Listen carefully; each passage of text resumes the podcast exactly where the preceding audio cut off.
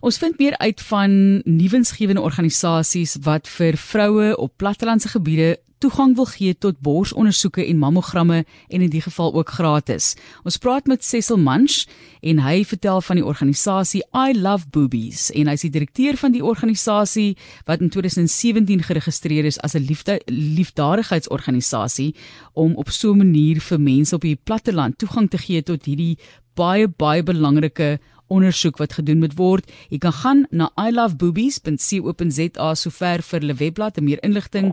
Baie welkom Cecil.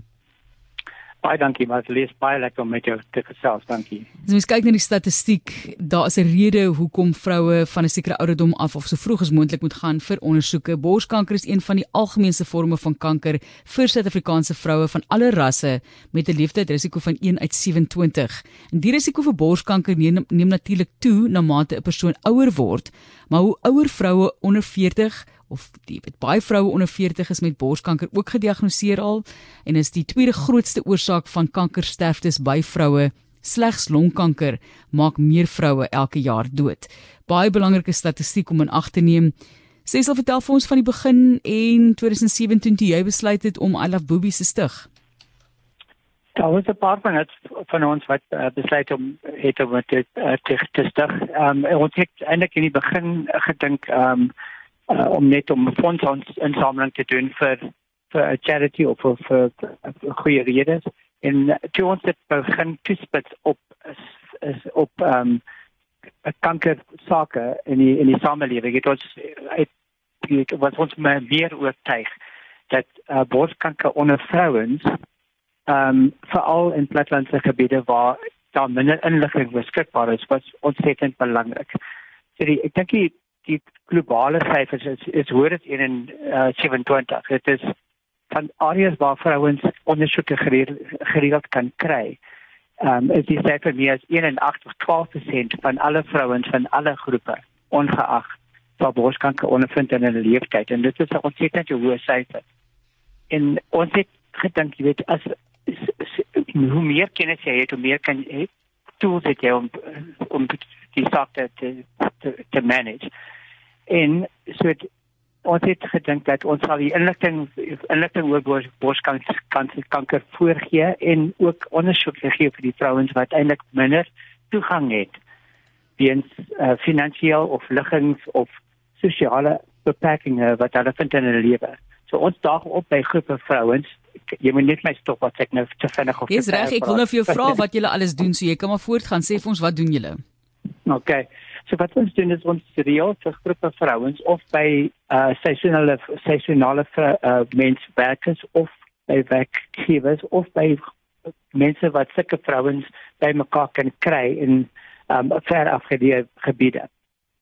En ons uh, neem verpleegsters, uh, geregistreerde verpleegsters uit na die groepe toe en dan doen ons voorligting vir hulle en dan uh ons uh, oor die verpleegsters sal dan vir, vir hulle vertel wat borskanker is, hoekom dit belangrik is vir haar as 'n uh, en ehm um, en wat die simptome is en die voorkoms en die, hoe dit ehm um, manifesteer uh, fisies in die liggaam. Die tekens waarvoor om uit te kyk en dan hoe om jouself te ondersoek vir uh vir vir uh knoppe en so aan. dan sal sy vir elke vrou 'n uh, borsondersoek doen en as hy enigiets uh, optel verdagte of 'n uh, probleem op optel dan word hulle verwys uh, na verdere ehm um, uh, verdere ons ondersoeke.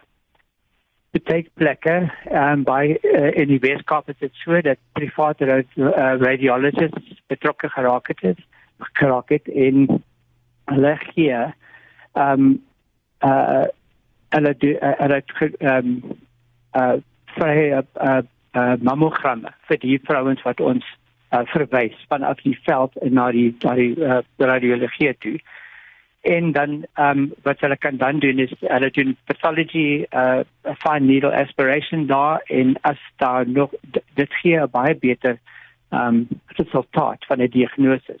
En as hulle dan uh, nog steeds uh, positief uh wys vir vir vir, vir kanker dan wat hulle dan die diagnose imagery die al die um, data deur wat al klaar voorberei is deur die private sektor deur na die hospitaal toe en um, en dan kan hulle chirurg gaan sien en dan bespreek hulle hoe om voort te gaan met die uh, chirurgie en uh, sorg na die na na die operasies.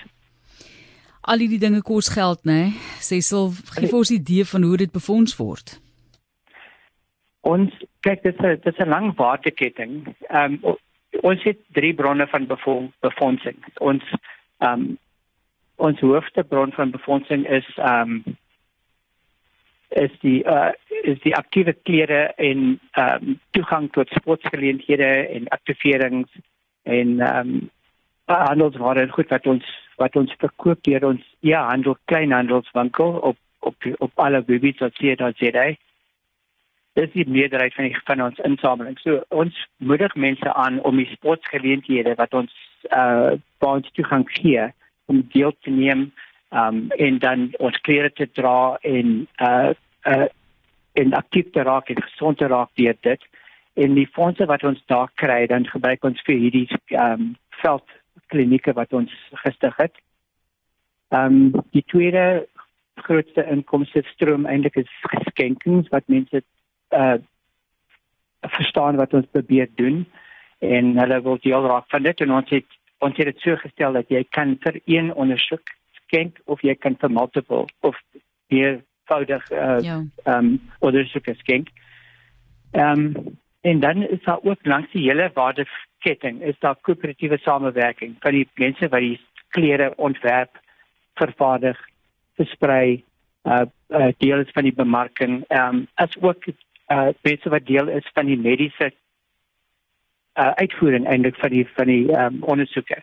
So die radioloog wat nou betrokke is, ons het paar dokters wat hulle tyd gee, ehm um, die ander rood aan die tritte wat uh, wat kyk dat die ehm um, die vlak van mediese uitvoering reg is en dat die vrou die beste ehm um, uh, oplossing kry in haar journey van af ons van af inligting tot ondersoek tot radiolo radiologie tot hier tot by die by die hospitaal as dit nodig is. Hoeveel vroue is al deur hierdie organisasie sedert 2017 gehelp? Ons het um, 6.500 vrouens um ondersoeke gegee. Um en nou daai ons die verwysingsfaktor op dit is omtrent net onder 10%. So net onder 10% van die vrouens wat aan ons sit, die 6.500 is die na verdere um vir verdere uh, behandeling, sê maar.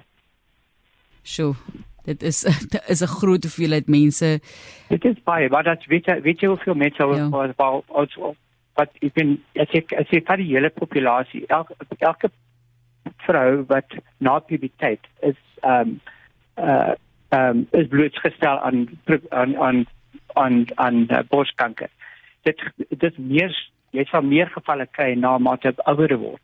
Maar dit is ontsettend groot hoeveelheid. So ons is eintlik ons het 'n groot ehm um, pad om te gaan nog uh, met die ondersoeke wat ons dan ook doen as jy jy moet wel net stop as jy kan aangaan met dit vir ure wat ons probeer doen is ons probeer terugswaai na dieselfde gemeenskap na 2 jaar.